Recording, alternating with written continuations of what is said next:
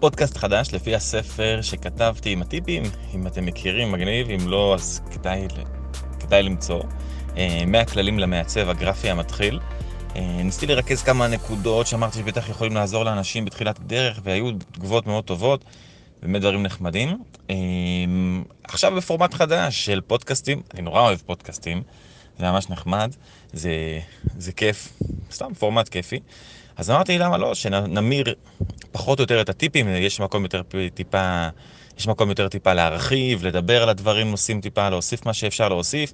אמ, וזה גם משהו שהוא טיפה יותר טבעי וכיפי, מאשר ספר שהוא מדויק במילים, ונשמע טיפה יותר אותנטי.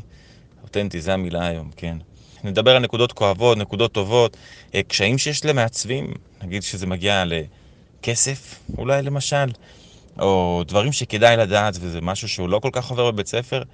ולכל מקום יש את היתרון ואת החסרונות שלו, גם אנשים שיוצאים מהאקדמיה לעיצוב, אז הם שונים לחלוטין, זה לא שכולם יוצאים באותו שטנץ, אותו פורמט. יש אנשים שהם יותר תיאורטיים, יש אנשים שיודעים לעשות הכל לבד, יש אנשים שלא יודעים לעשות כלום לבד, יש הכל מהכל.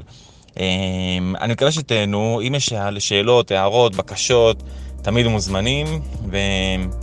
מקווה שיהיה לכם מעניין ומוסיף. אז אה, יאללה נתחיל.